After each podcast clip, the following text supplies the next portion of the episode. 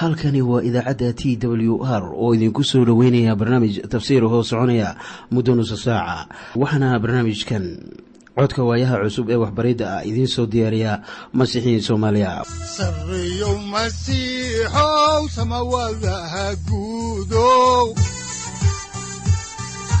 Siraadkii adduunkow subanaha eebow sareyow masiixow samawadaha guudow siraadkii adduunkow subanaha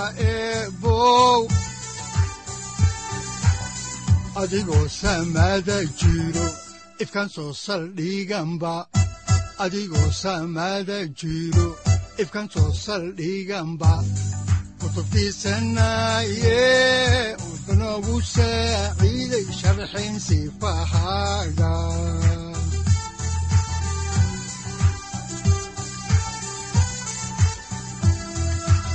kutubtiisinayo ebanagu saaciid sharxin sifahaaga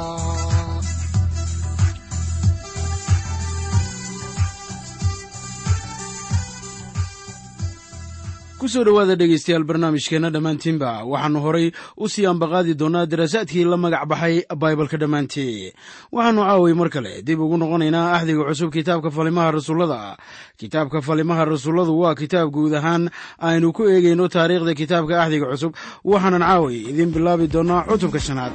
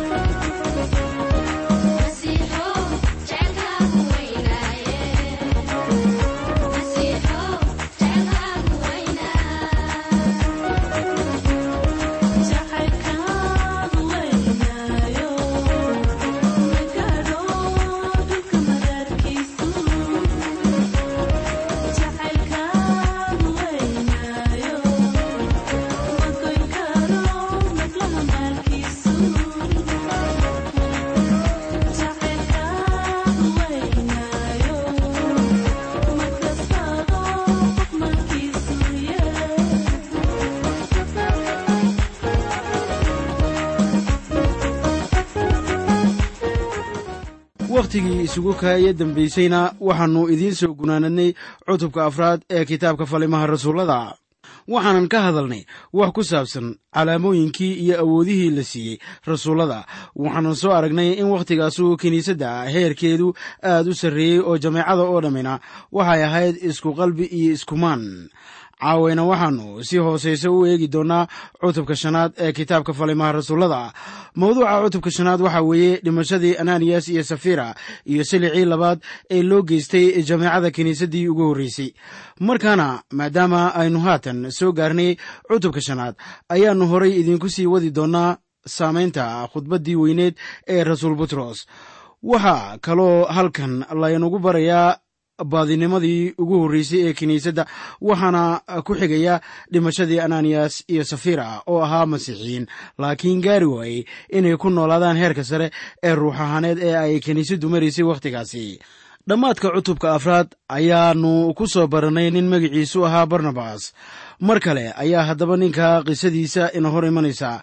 Ninkaas waxa uu ahaa nin wanaagsan oo ka mid ah quduusiintii hore ee kiniisadda oo ahaa nin dhab ahaan ilaah uga cabsada. Waxa uu ahaa howlwadeenkii ugu horreeyey ee qasdiga masiixa u aaday meel ka baxsan deegaankiisa si uu warka wanaagsan ugu wacdiyo kuwa u baahan waxa kale ee uu saaxiib la ahaa rasuul bawlos markii ay yimaadeen dhulkii qaxarka badnaa ee galatiya welibana ilaah si mucjise ah ayaa uu u barakadeeyey howlihii wacdiska ee ay halkaasi ka wadeen. Barnabas waxa uu kiniisadda siiyey xoogaa lacag ah waxa uu ahaa nin deeqsiya oo nin walibana isaga ayaa uu ka hadli jiray waxaana aan qiyaasayaa inuu magaca ku helay deeqdii uu bixiyey. Waxaa kaloo xusuusataa in kiniisadihii hore ama kiniisaddii hore aan idhaahdee ay wax waliba wadaagi jireen. Waxaana taasu muujinaysaa in heerkooda ruux ahaaneed uu aad u sarreeyey oo ay gaarsiiyeen ama ay gaareen inay sidaa u wada noolaadaan.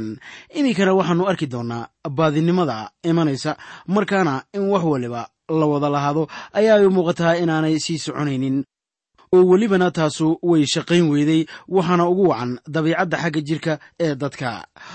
Waxaan iminka soo gaarnay maaddada khusaysa dhimashadii ananiyas iyo safira.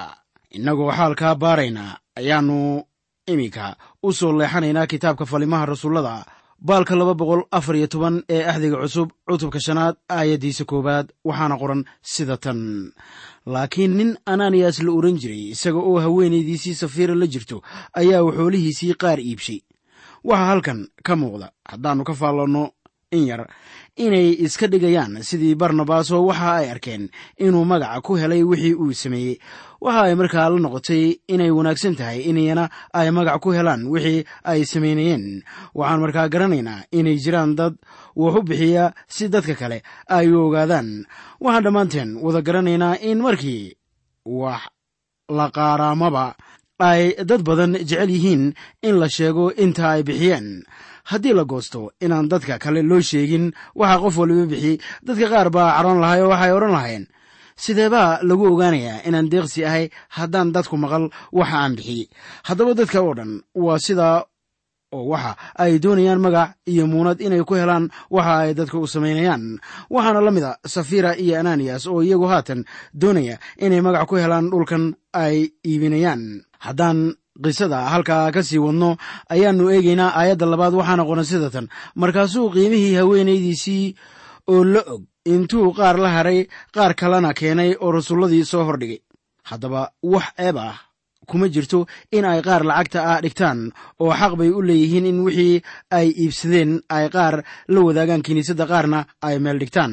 Maadaama ay hantidooda tahay ayaa ay lacagta ku samayn kareen wax kasta ay doonayeen. Wakhtiyadeenna dadka ka tirsan jameecada waxa ay bixin karaan wax kasta ee ay doonayaan. Qof baa waxa uu odhan karaa waxaan ilaah siiyey meel tobnaad.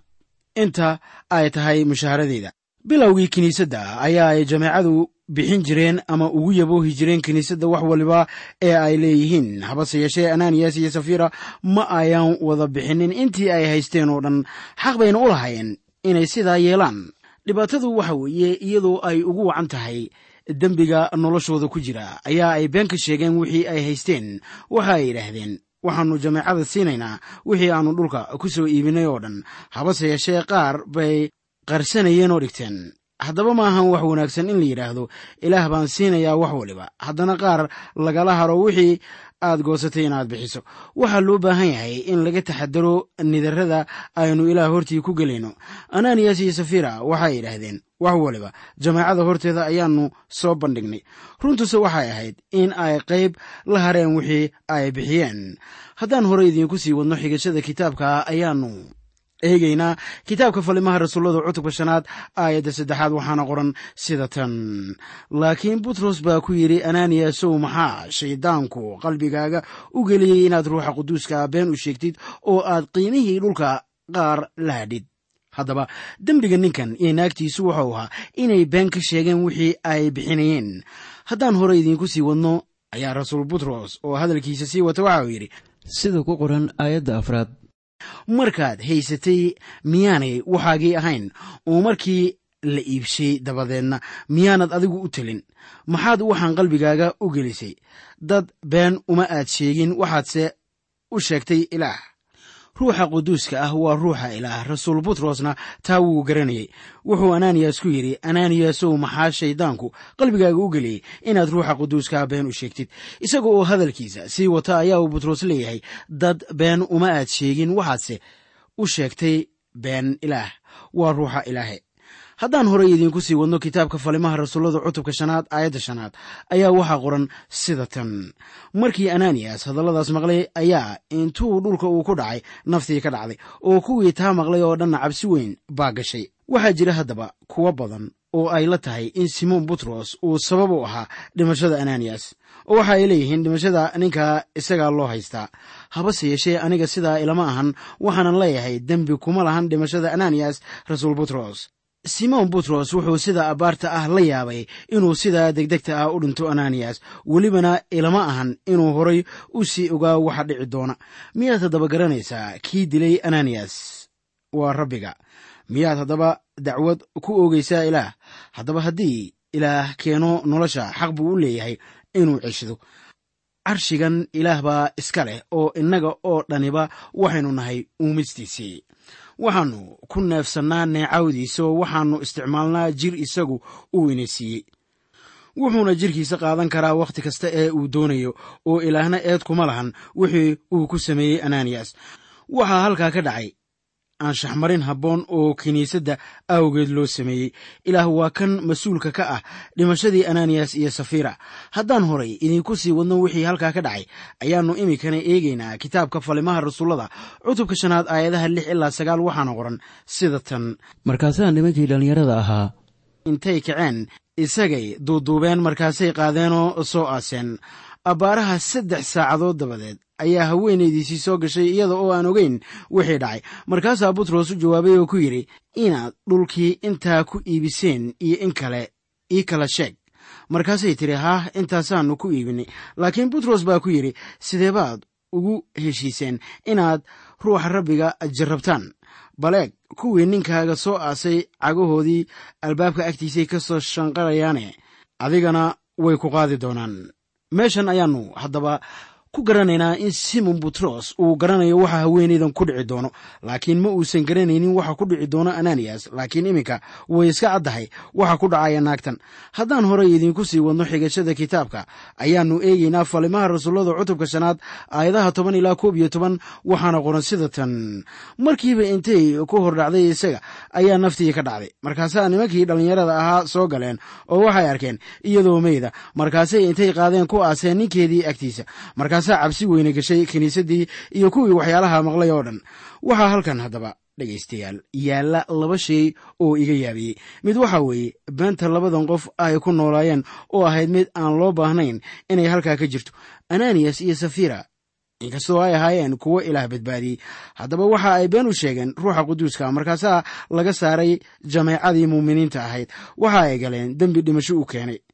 Rasuul yoxanaa oo la talinaya muuminiinta ayaa waxa uu leeyahay. Sida ku qoran warqaddii koowaad ee rasuul yoxanaa u qoray cutubka shanaad aayaddii lix tobnaad baalka afar boqol iyo labaatan ee axdiga cusub sida tan.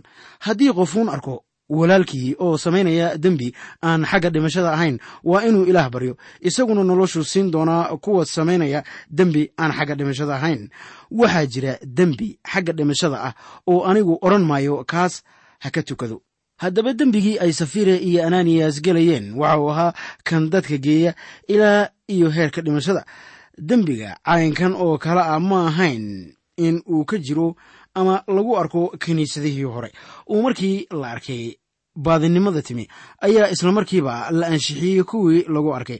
Haddaba wixii dhacdadan ka dambeeyey kiniisaddu ma ahayn mid u hufan ama daahirsan sidii ay ahayd xilligii wakhtiga ka horreeyey. Ilaa iyo haatan waxyaabo badan ayaa lagu arkaa jameecooyinka masiixiyiinta ah oo dembiyana laga waayi maayo. Habase yeeshee qofka masiixiga ah ee dhabta waxa uu ilaah la hor yimaadaa qirasho. Ilaahna waxaa la jirta dembi dhaafis. Waxaa kaloo jira in kiniisadihii ay kordheen laakiin layaab ma lahan haddii laga helo dadka qaar kuwaasoo jamiicada ka mid ah oo dembigelaya ha yeeshee qofka caynkaas ma ahan sawir matelaya masiixiyiinta oo dhan. Masiixiyiinta dhabta waa muuminiin aan cidna waxba yeelin balse ilaah u baryaya kuwa aan weli hanuunin tan labaad. Ee iga yaabinaysana waxay ahayd garashada ruuxaaneed ee simon butros. Waxaanan idinku leeyahay ma jiraan qof leh garasho la mida tii simon butros oo lagu arkayo kiniisadda maanta. Waxaa jira kuwo aaminsan inay leeyihiin garashada ruux ahaaneed maanta. Habase yeeshee markii aad u kuur gasho dadka caynkaasa waxaad ogaanaysaa inaanay lahayn garashada xagga ruuxa. Waxaa jira maanta kuwo badan oo aan baranin kitaabka oo dibadaha u aadaa inay dadka la wadaagaan injiilka. Kuwa caynkaasa waa laba wajiilayaal ka been sheega kitaabka quduuska iyo kiniisadda ciise masiix. Habase yeeshee haddii kuwa caynkaasa ilaah wax ku dhufan lahaa oo la dili lahaa waxaa dhici lahayd in aasku uu badan lahaa oo dad badan baa dhiman lahaa haddaan horay idiinku sii wadno xigashada kitaabka ayaannu iminka eegaynaa kitaabka falimaha rasuullada cutubka shanaad aayadaha labaiyo toban ilaa afariyo toban waxaana qoran sida tan. Rasuulladii waxa ay gacmahooda dadka dhexdiisa ku sameeyeen calaamooyin iyo yaabo badan iyaga oo isku wada qalbiya ayaa waxay wada joogeen balballadii sulaymaan laakiin kuwii kale midkoodna kuma dhicin inuu iyaga ku darmado. Hase ahaatee dadkii waa sharfeen iyaga oo waxaa ku soo kordhay iyaga kuwo badan oo rabbiga rumaystay oo rag iyo dumarba leh waxaad haddaba ogaataa in rasuulladu ay lahaayeen hadiyadda rasuulnimada sida hadiyadda bogsinta iyo tan calaamooyinka. Rasuullada oo dhammu waxa ay lahaayeen hadiyaddaas waxaana ay dadka dhexdooda ka sameeyeen calaamado fara badan. Markaana asluubta kiniisadda aawadeed ayaa keentay in dadku ay ka cabsadaan samaynta waxyaabaha aan hagaagsanayn waana ay taas joojisay waxyaabo aan hagaagsanayn oo ka iman lahaa kiniisadda dhexdeeda. Waxaana dhacday in dadku ay ku biiraan kiniisadda oo markii la gaaray saddex boqol oo sannadood kadib dhalashadii masiixa ayaa waxaa jiray malaayiin dad ah oo hoos joogay boqortooyadii reer roome oo wada masiixiyiin ah haddaan horay idiinku sii wadno xigashada kitaabka ayaannu iminkana idiin akhriyaynaa cutubka shanaad aayadaha shan iyo toban ilaa lix iyo toban waxaana qoran sida tan. Xataa waxay noqotay inay kuwii bukay jidadka u soo saareen oo ku jiifiyeen sariiro iyo darmooyin si hooskiisu u dulmaro qaarkood. Markii butros uu soo maro oo waxaa kaloo ku soo ururay dad badan oo ka yimi magaalooyinka yeruusaalem ku wareegsanaa iyaga oo wada dad buka iyo kuwo jinniyo wasakh lahu derdereen oo kulligood waa la wada bogsiiyey haddaan xaalkan barbar dhigno mucjisooyinka ay sameeyaan kuwa ku doodayay inay dadka mucjiso ku bogsiiyaan ayaan arkaynaa in farqi weyn uu u dhexeeyo kuwaasu kulligood ma wada bogsiin karaan dadka u yimaado oo dhan. Runtu waxay tahay in rasuulladu ay lahaayeen hadiyadda mucjisooyinka saaxiib la heli maayo nin ka mid a xubnaha kiniisadda oo maanta sheegan kara inuu leeyahay hadiyaddaas. Waana in maanka lagu hayo inaanu berigaas jirin kitaabka ahdiga cusub oo la qoray. Kiniisaddana waxaa laga dul dhisay ciise masiix isagu waa dhagaxa geeska. Rasuulladuna markhaati bay u ahaayeen ciise masiix. Sababtaa aawadeed ayaa la siiyey hadiyadda mucjisooyinka si ay u muujiyaan in ay ku hadleen xoogga ilaah. Maantana xoogga aannu leennahay waxa weeye inaannu haysanno kitaabka axdiga cusub oo qoran. Iminkana waxaannu soo gaarray maaddada kale ee ku saabsan silicii labaad ee kiniisadda loo geystay. Waxaan aragnay in la anshixiyey kiniisaddaas bilaabantay wakhtigaa hore waxaana anshixintu ka soo dhex baxday kiniisadda. Waxaase iminka bannaanka uga imanaya silic. Markii rasuulladu mucjisooyin muujiyaan ayaa waxaa muuqanaya ama soo baxaya jawaab daran oo ka imanaysa culimmada haddaan xaalka wax idiinka taabanno ayaannu haatan eegaynaa kitaabka falimaha rasuullada cutubka shanaad aayadaha toddoba-iyo toban ilaa siddeed iyo toban waxaana qoran sida tan. Laakiin waxaa kacay wadaadkii sare iyo kuwii la socday oo dhan oo kuwa oo ka mid ahaa dariiqada sadukiinta markaasay iyaga oo aad u xanaaqsan intay rasuulladii qabqabteen xabsi ku rideen. Waxaa haddaba ogaataa sadukiintu inay hormood u ahaayeen silica labaday ciise welibana sadukiintu waxay ahaayeen. Kuwii horseedka u ahaa dagaalka kiniisaddan bilaabantay. Markaana rasuulladii waa la qabqabtay markii labaad waxaana la geliyey xabsi. Haddaan horay idiinku sii wadno xigashada kitaabka ayaannu iminka eegaynaa aayadda sagaal iyo tobanaad. Ilaa iyo tan labaatanaad. Waxaana qoran sida tan. Laakiin malaa'igtii rabbiga ayaa habeennimo albaabadii xabsiga ka furtay oo intay dibadda u soo saartay ku tidhi taga oo macbudka isdhex taaga oo waxaad dadka kula hadashaan ereyada oo dhan ee nolosha. Haddaba turjumadan dhabta ah waxa weeye malag. Mase ahaan malaggii oo loola jeedo kii aynu ku arki jirray kitaabka axdigii hore. Waxaanan dhowr jeer idiin sheegnay inkaasu ahaa ciise masiix intaanu dunida imanin.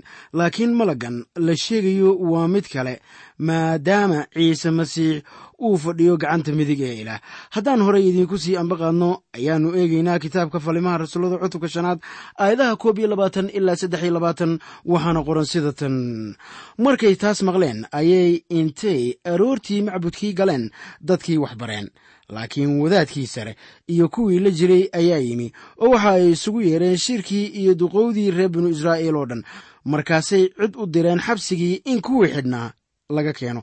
Laakiin saraakiishu markay xabsiga yimaadeen waa ka waayeen iyagii. Markaasay shirkii ku noqdeen oo u warrameen oo waxa ay ku yidhaahdeen waxaannu aragnay xabsigii oo aad u xidhan oo nimankii ilaalinayeyna albaabada ka taagan yihiin laakiin markaannu furnay ninna waannu ka weynay waxaa haddaba halkan ka dhacaya wax la mida wixii dhacay markii sayidka la sare kicinayey dhagaxa lagama giraangelinin markii ciise laga soo bixiyey godka uu ku jiray. Ciise dibadda ayaa looga saaray qabriga iyadoo welibana dhagaxu ku gadaanaa qabriga wax albaaba oo la furayna ma leh waxaana laga saaray meeshaas intii weli ay albaabadu xirnaayeen. Haddaan horay idiinku sii wadno xigashada kitaabka ayaannu iminka eegaynaa falimaha rasuullada cutubka shanaad aayadaha afar iyo labaatan ilaa siddeed iyo labaatan waxaana qoran sida tan haddaba markii sirkaalkii macbudka iyo wadaadadii sare hadalladaas maqleen waxa ay la fajiceen waxyaalaha waxa ay noqon doonaan. Mid baa intuu u yimi ku yidhi ogaada nimankii aad xabsiga ku rideen macbudkay dhex taagan yihiin oo dadkay wax ku barayaane. Markaasaa sirkaalkii isaga oo saraakiil kale la socoto intuu tegey rabshala'aan u soo kaxeeyey. Waayo waxa ay ka baqeen dadku inuu dhagxiyo markaasay intay soo kaxeeyeen shirka soo taageen. Kolkaasaa wadaadkii sare weydiiyey oo yidhi waxaannu aad idinku amray inaydaan magacan wax ku barin laakiin bal eega waxaad yeruusaalem ka buuxiseen waxbariddiinnii oo weliba waxaad damacsan tihiin inaad ninkan dhiiggiisii dusha naga saartaan. Haddaba dadku way dhegaysanayeen khudbadihii rasuullada waayo waxay ahaayeen markhaatiyaal wanaagsan.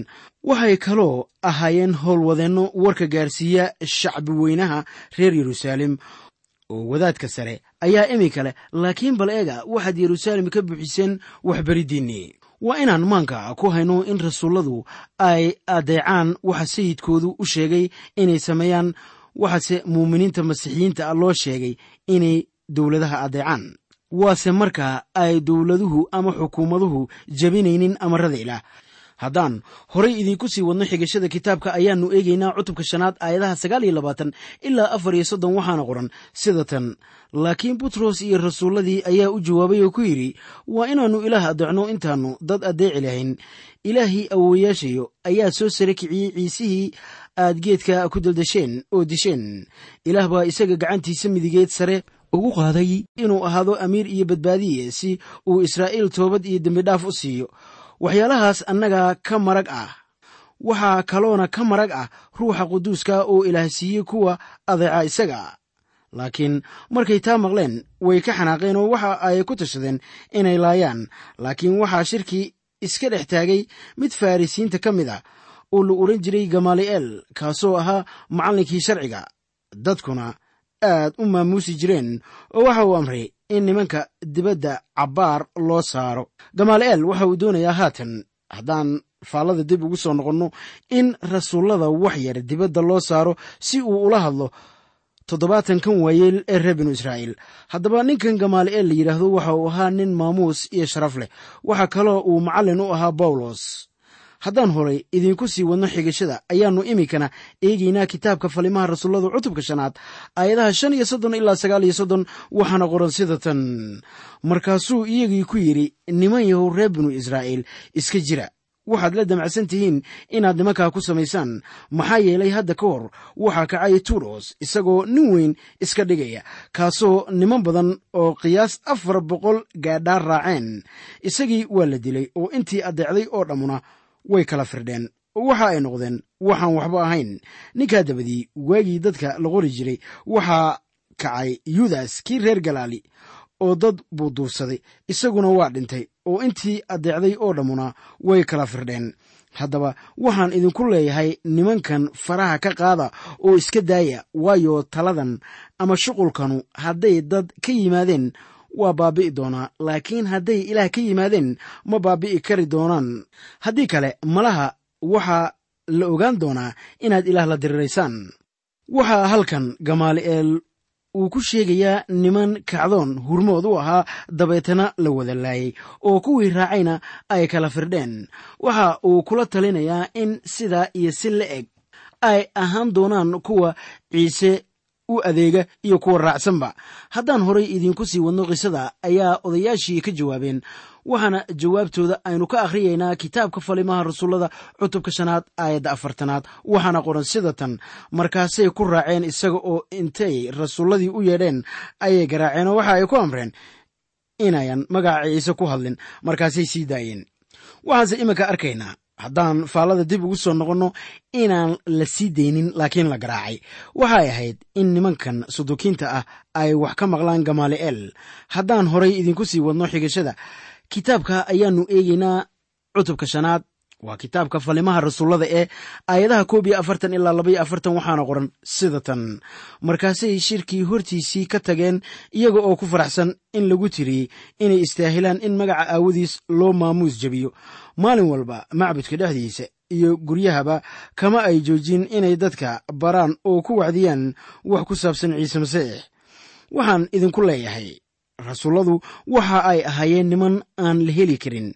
Waxa ay ku rayreeyeen inay dhib waliba u marayaan ciise masiix aawadiis. Waxay horay u sii wadeen inay dadka wax baraan oo wacdiyaan ciise masiix.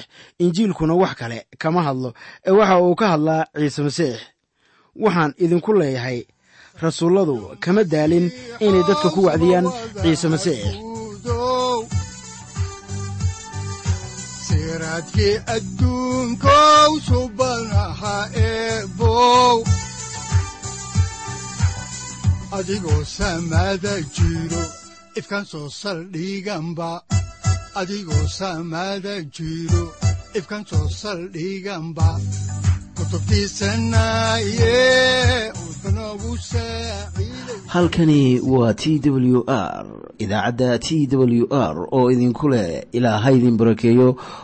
oo ha idinku anfaco wixii aad caawi ka maqasheen barnaamijka.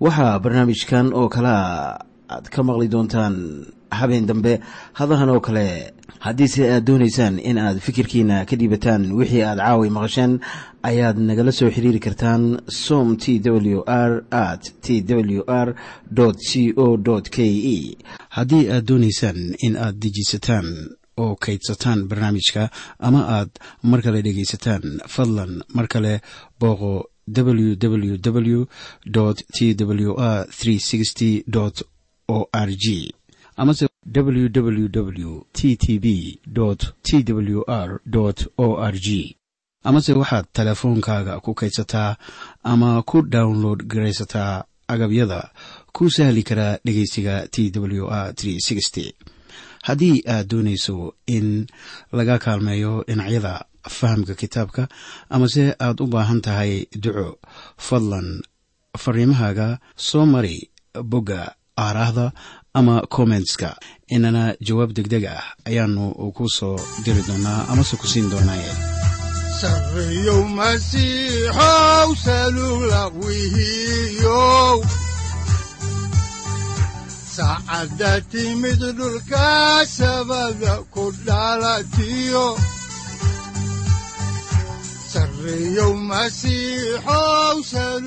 halkani waa t w r oo idiin rajaynaya habeen baraare iyo barwaaqaba leh inta aynu ka gaari doono wakhti aynu ku kulanno barnaamij la mida kan caawayay aad maqasheen waxa aan idinku leeyahay nabadda ciise masiix ha idinku badato xagga jidhka iyo ruuxaba aamiin